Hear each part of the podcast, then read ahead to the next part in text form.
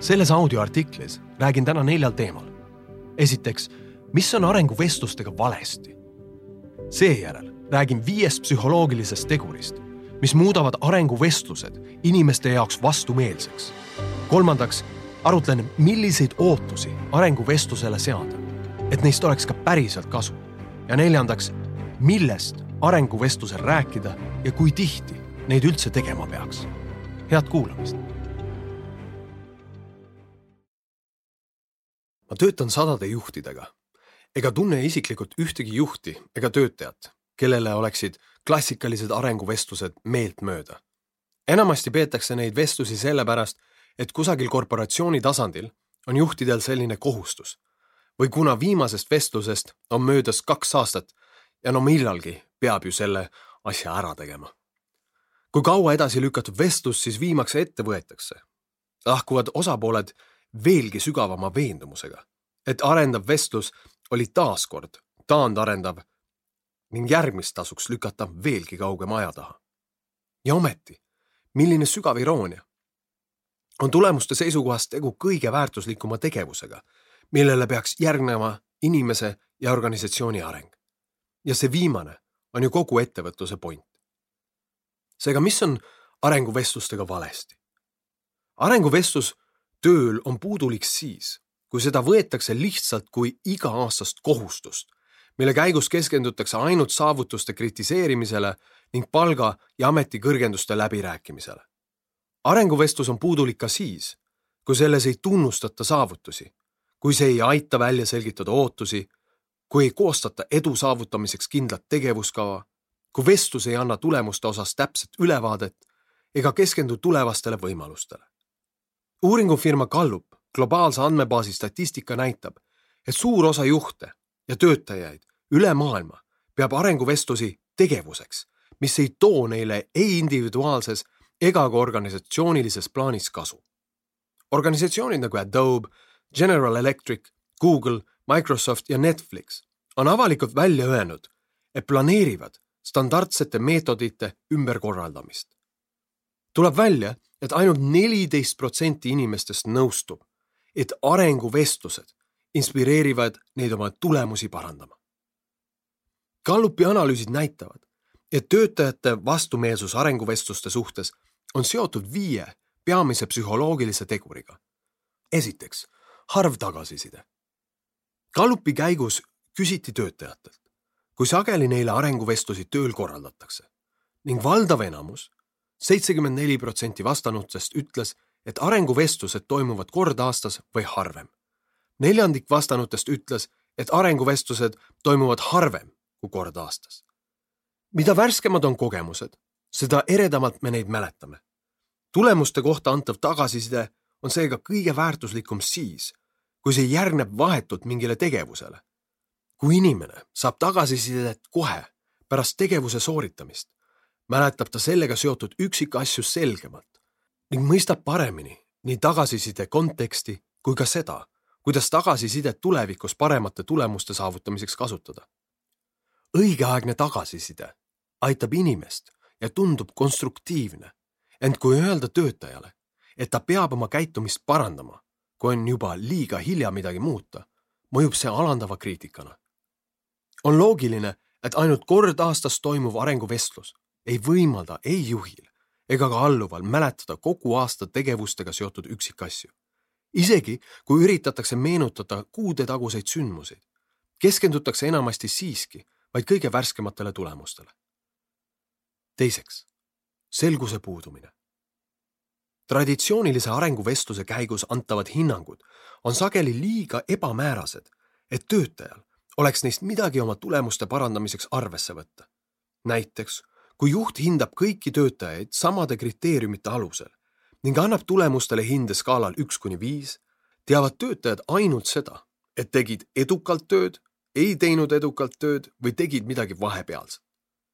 paljude arenguvestluste põhiviga seisnebki selles, et need ei peegelda seda, mida kelleltki edaspidi oodatakse ega aita seetõttu töötajatel oma edasisi tegevusi planeerida aastatepikkuse pingutuse eest saadav, suhteliselt mitte midagi ütlev hinne tekitab töötajas pigem tunde, et tegelikult tema panust ei hinnata. kolmandaks, juhi subjektiivsus.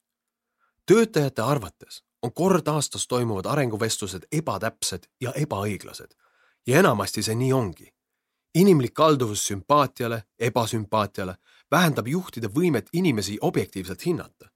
Lisaks kipuvad töötajad kahtlema, kas juht üldse teab, mida nad oma tööülesannete täitmiseks tegema peavad ja kas ta ikka oskab tulemusi hinnata, kui on nende tegevuste ja saavutustega vaid pealiskaudselt kursis. tuleb välja, et ainult kolmkümmend neli protsenti töötajatest leiab, et juht teab, milliste projektide või ülesannete kallal nad parasjagu töötavad. neljandaks, negatiivne suhtumine numbritesse. Töötajad reageerivad tulemuste hindamisele negatiivselt, kui arenguvestlus taandab nende panuse lihtsalt numbriks skaalal või pingereas, mida siis võrreldakse teiste töötajate panusega. kui töötaja reageerib sellisele hindamisele negatiivselt, ei leia ta tõenäoliselt motivatsiooni pärast arenguvestlust midagi paremini teha. kui vestlus toimub vaid kord aastas, võib mööduda palju aega, enne kui juht saab tema negatiivsete tunnetega tegeleda. Hindeid ja mõõdikuid tõlgendavad inimesed erinevalt. mõne jaoks on hinne neli hea või vähemalt vastuvõetav, teise jaoks aga võrdne totaalse läbikukkumisega. kui inimene usub, et tema arengupotentsiaal on ette määratud, ehk siis fikseeritud mõttelaadiga inimesed, võib ta negatiivset hinnangut kohates leida, et see peegeldabki kogu tema võimekust ning tal pole mõtetki üritada endast rohkem anda. viiendaks, liigne keskendumine boonussüsteemidele. Paljud töötajad on tulemuste hindamise suhtes negatiivselt meelestatud seetõttu, et hindamine on tihedalt seotud palga ja edutamisotsustega. kui töötaja tunneb, et hindamissüsteem ei ole täpne ega õiglane, teeb ta järelduse, et talle makstakse ka palka ebaõiglaselt ning samal moel koheldakse teda ka ametikõrgenduse saamise küsimuses. isegi kui töötaja usub, et teda on õiglaselt hinnatud, sunnib tihe seos töö tulemuste ja palgaotsuste vahel teda arenguvestluste ajal tagasiside kuulamise asemel hoopis palganumbri pärast muretsema. tagajärjed, millega tuleb arvestada, kui tulemused seotakse töötasuga. ebaühtlane kvaliteet. Pole kahtlustki, et boonused mõjuvad motiveerivalt aga samas võivad need ka juhtida tähelepanu kõrvale nendelt ülesannetelt, mille eest boonust ei anta, näiteks meeskonnatöö või klienditeenindus. mida suurem on boonus, seda rohkem keskenduvad inimesed premeeritavale käitumisele ja jätavad muud kohustused unarusse. või siis kiusatus süsteemi petta. töötajal võib kergesti tekkida kiusatus teha asju, mida süsteem võtab boonuste maksmisel arvesse, kuid mis ettevõtet tegelikult ei teeni. siia võivad kuuluda näiteks tasustatavate töötundide arvu kunstlik suurendamine, teiste saavutuste kirjutamine enda arvele, toodete müümine, mida klient tegelikult ei vaja ja nii edasi. Kui juhid arutavad arenguvestlusel palga ja edutamistingimusi, on inimestel raske keskenduda konstruktiivsele tagasisidele, sest kõik vestluse käigus öeldu hakkab nende mõttes seostuma palgaga. selliste probleemide vältimiseks peaksid juhid palga ja edutamise teemalised vestlused pidama muul ajal, et arenguvestlusel saaks keskenduda tulemustele ja töötaja arengule. mis ei tähenda muidugi seda, et tulemusi palga arutelul arvesse ei võetaks.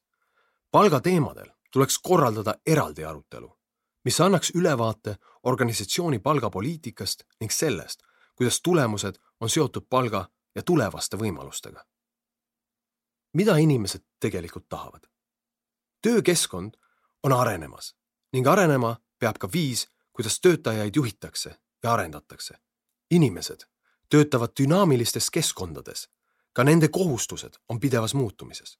isegi nõudmised sarnastel ametikohtadel töötavatele inimestele on sageli inimeseti erinevad. töötajad soovivad oma juhilt midagi hoopis enamat kui see, mida nad tavapäraste arenguvestluste käigus saavad oodatakse, et juht selgitaks oma ootusi ja aitaks neil tegevused tähtsuse järjekorda seada. selliste juhiste saamiseks ei taheta oodata kord aastas toimuvat vestlust. inimesed peavad tundma, et juht teab, mille kallal nad töötavad ja juhendab neid paremate tulemuste suunas, sest andekad ja pühendunud töötajad soovivad oma töö tulemuste eest ise vastutada aastatepikkused juhtimist käsitlevad uuringud ja praktikad on näidanud, kuivõrd oluline on selgete ootuste seadmine. Locke ja Lathami eesmärkide seadmise teooria, Druckeri eesmärgipõhise juhtimise strateegia ja SMART reeglid on kõik tõestanud tulemustele seatavate ootuste ja nende alusel edusammude jälgimise olulisust. et paremini mõista probleeme, mida töötajad tulemustele seatavate ootuste osas kogevad ja kuidas neid ületada, korraldas uuringufirma Gallup põhjaliku uuringu eesmärgiga tuvastada, kuidas töötajad tulemuslikkuse juhtimist tajuvad ja mida peaks muutma. esiteks, selgus. üks tähtsamaid avastusi on, et ainult üks töötaja kümnest teab, mida temalt töö juures oodatakse. arvestades, et edukaks tööks vajavad inimesed selgelt määratletud ootusi, näitab juba ainuüksi see fakt, et kord aastas toimuvatel arenguvestlustel ei ole positiivset efekti ja midagi tuleks kiiresti ette võtta. selged ootused algavad pihta juba ametijuhendist, mis peab kirjeldama töötaja tegelikke kohustusi. ainult nelikümmend üks protsenti töötajatest leidis, et nende ametijuhend vastas tööle, mida nad igapäevaselt teevad. Need, kes sellise väitega täielikult nõustuvad, on kaks koma viis korda suurema tõenäosusega oma töösse emotsionaalselt pühendunud.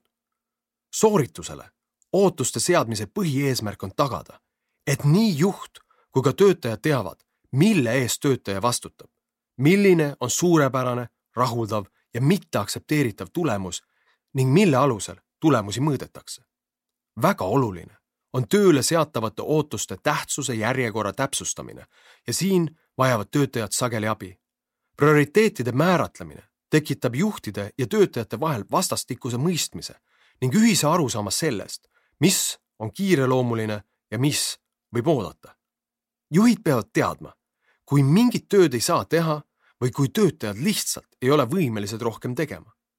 ootuste kaardistamine ja prioriteetide paikapanek on eriti oluline siis, kui tegemist on niinimetatud maatriksorganisatsiooniga, mis nõuab kohustuste jaotamist erinevate meeskondade ja nende juhtide vahel.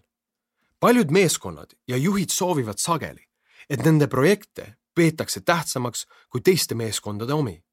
kui töötajatel on oma otsese juhiga kokku lepitud, kuidas asju tähtsuse järjekorda seada, on neil olemas ka kompass, mida kattuvate tähtaegade korral kasutada.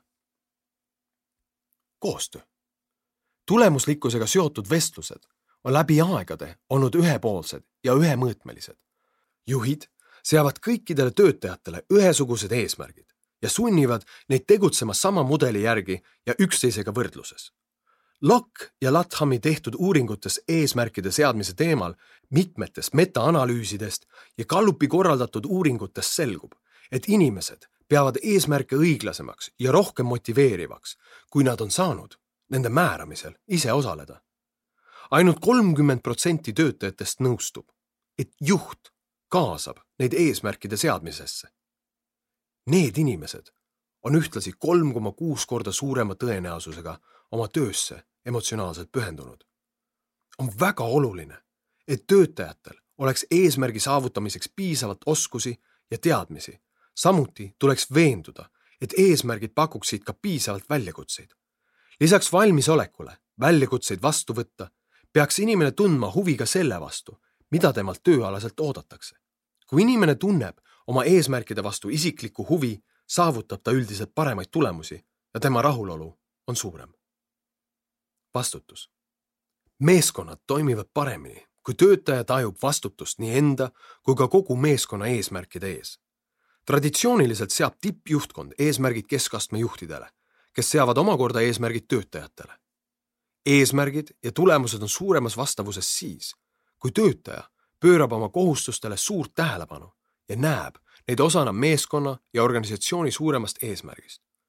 kui töötajad ei suuda luua seost oma töö ja organisatsiooni eesmärkide vahel, ei pühendu nad tööle täielikult, mis võib omakorda avaldada negatiivset mõju nii klientidele, toodetele kui ka kolleegidele.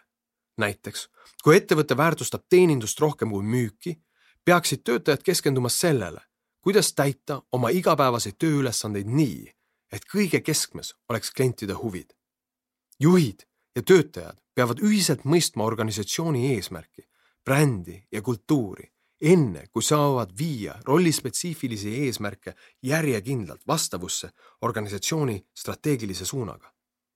uuringud näitavad, et töötaja produktiivsus kasvab viiskümmend kuus protsenti, kui juht aitab viia töötaja isiklikud eesmärgid vastavusse organisatsiooni vajadustega.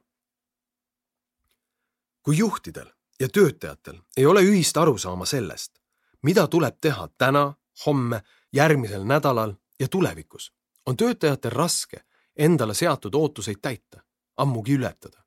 miski ei tee tööd raskemaks, kui tulemuste osas seatud ebaselged, pidevalt muutuvad või vastuolulised eesmärgid. kui organisatsiooni juht peaks ühe tegevuse kõigist ettepoole seadma, soovitab Gallup alustada juhtide koolitamist eesmärgiga, et nendest saaksid coach'id ehk treenerid. enamikes organisatsioonides ei nõuta, et juhid oma alluvaid tulemuslikkuse osas juhendaksid. sageli on juhtide kohustused hoopis eelarvestamine, strateegiline planeerimine, halduskohustused ja nii edasi. töötajate juhendamisel pigem takistuseks. see peab muutuma. kui organisatsioonid soovivad oma juhtimismeetodeid efektiivistada, tuleb juhtidele võimaldada vajalikud ressursid ja koolitused, et nad saaksid täita uue ajastu töötajate arendamise tingimusi tänaseks on selge, et juhi ja töötaja vaheline suhe on otseselt seotud äritulemustega ning selle eest tuleb teadlikult hoolt kanda. pidev suhtlus hoiab juhid ja töötajad üksteise tegemistega kursis ning aitab luua usaldusliku suhte, mida ei teki kord aastas toimuva arenguvestlusega. kui produktiivsusest sagedasti rääkida, saab eos eemaldada takistused, haarata kinni võimalustest ning asjaolude muutumisel ka eesmärgid ümber seada. Coaching on tulemuslikkuse arendamisel niivõrd oluline, et Gallupi korraldatud uuringu andmetel on töötajad, kes on juhiga kuue kuu jooksul oma eesmärkidest ja edusammudest rääkinud, kaks koma kaheksa korda suurema tõenäosusega oma tööle pühendunud. mitmed metaanalüüsid rõhutavad pideva coaching'u tähtsust, kuna on leitud, et eesmärkide seadmine avaldab tulemuslikkusele positiivsemat mõju siis, kui sellega kaasnevad edusammude jälgimine ja tagasiside. Gallupi korraldatud uuringust selgus aga, et ainult kakskümmend kolm protsenti inimestest nõustub, et juht annab neile kasulikku tagasisidet. niivõrd madal number näitab, et juhid peaksid kindlasti õppima oma töötajaid tõhusamalt juhendama. seega ei ole arenguvestluste täiendamine tihedamalt toimuvate vestlustega töötajate motiveerimiseks piisav. isegi kui juhid veel täielikult coaching'u vajalikkust ei mõista, ei tohiks nad aga edasi lükata töötajatega suhtlemist.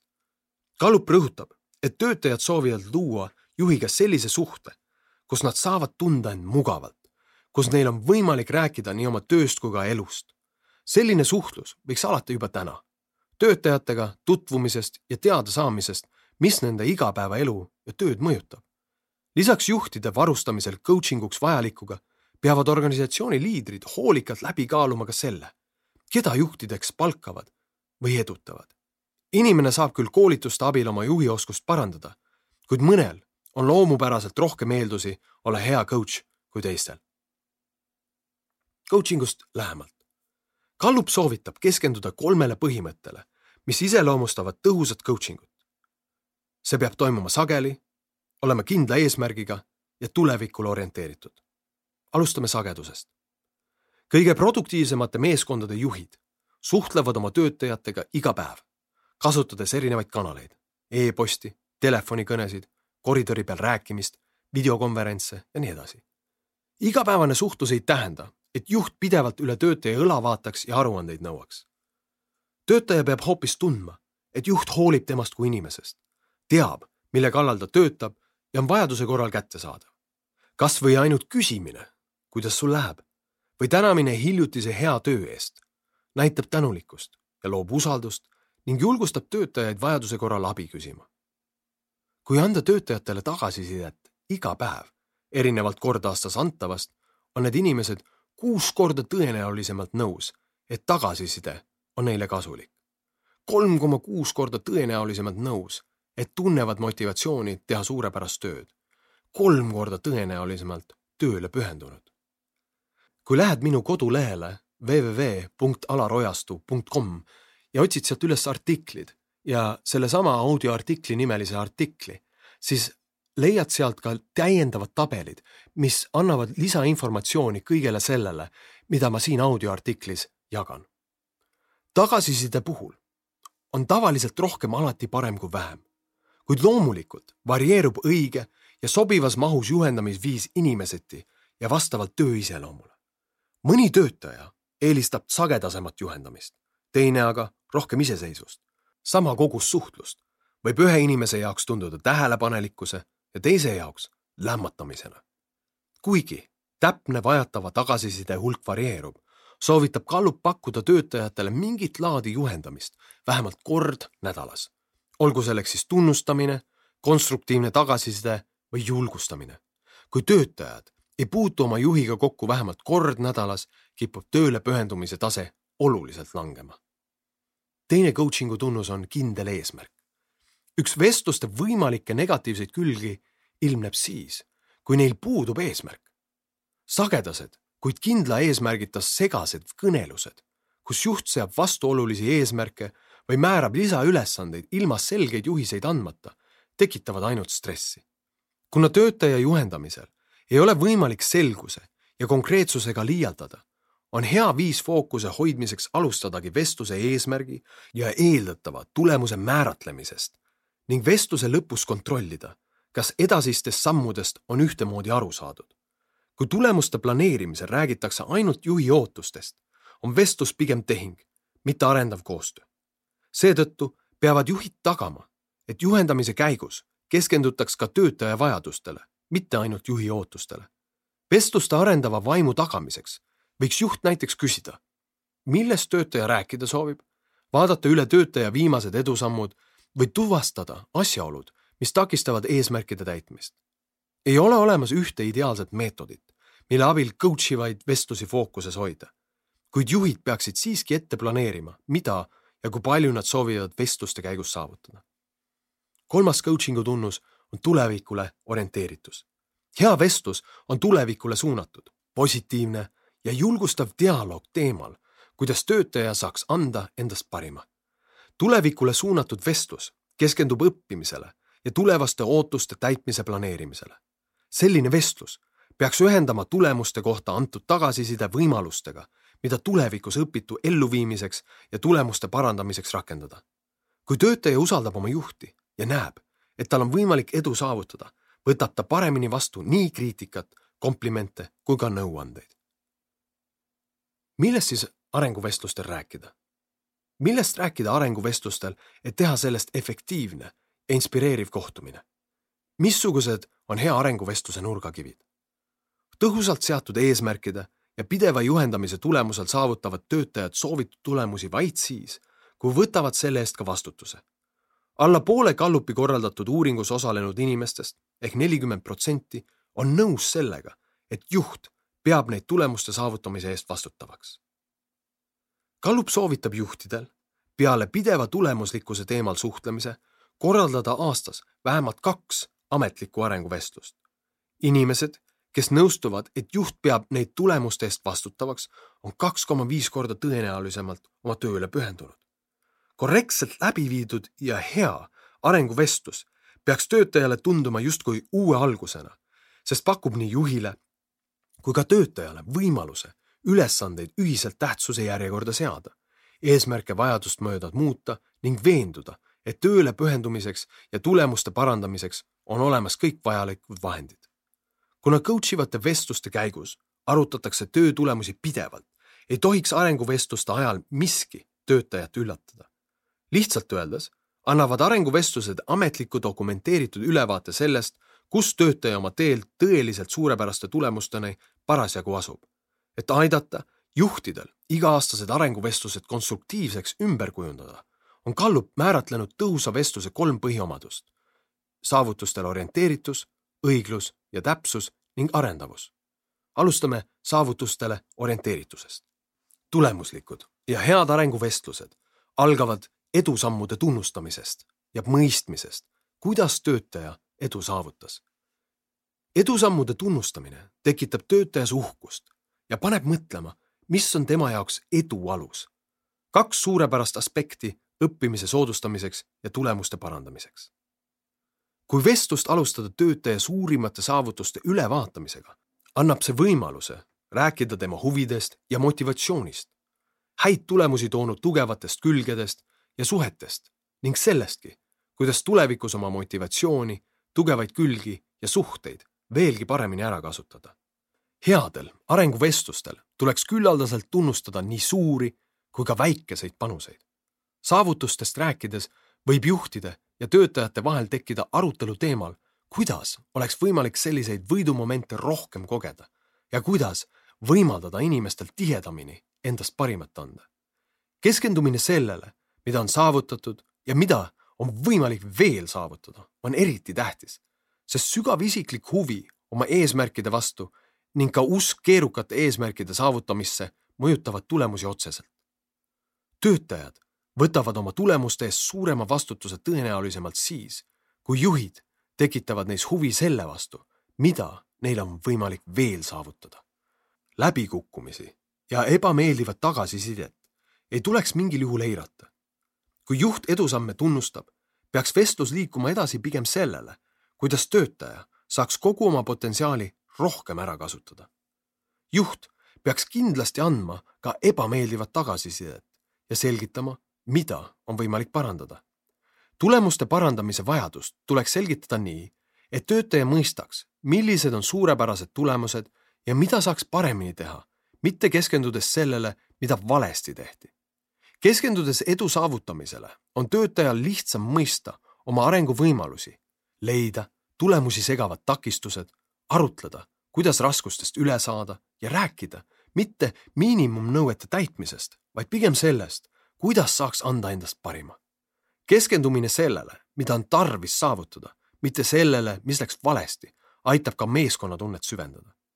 töötajatel on sageli raske ühendada oma igapäevatööd ametikirjelduse, meeskonna kohustuste, organisatsiooni eesmärkide või klientide vajadustega. Juhid peaksid aitama töötajatel seostada isiklike tulemuste saavutamist mõjuga, mida need meeskonna ja organisatsiooni edule avaldavad, et igaüks näeks enda eesmärkide saavutamise mõju kogu organisatsioonile. õiglus ja täpsus.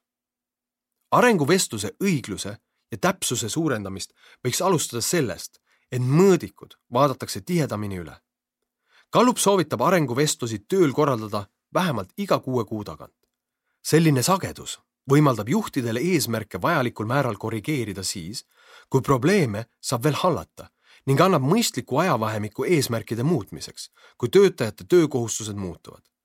kui arenguvestlused muutuvad inimeste jaoks täpsemaks ja õiglasemaks, tähendab see kokkuvõttes tulemuste mõõtmist ja analüüsimist viisil, mis annab ülevaate väärtustest, mida töötaja iga päev organisatsioonile loob. juhid peavad kasutama edusammude mõõtmiseks erinevaid mõõdikuid, rõhutamaks konkreetse inimese töö kõige olulisemaid elemente.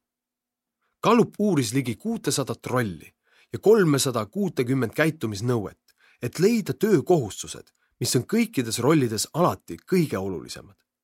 selliste nõuete kvalitatiivne ja kvantitatiivne analüüs paljastab kolm valdkonda, mis annavad põhjaliku ülevaate edust konkreetses rollis. Esiteks individuaalne saavutus ehk mis on minu töö. teiseks meeskonna koostöö ehk mis on minu meeskond ja kolmas väärtus kliendile. et kes on siis minu klient?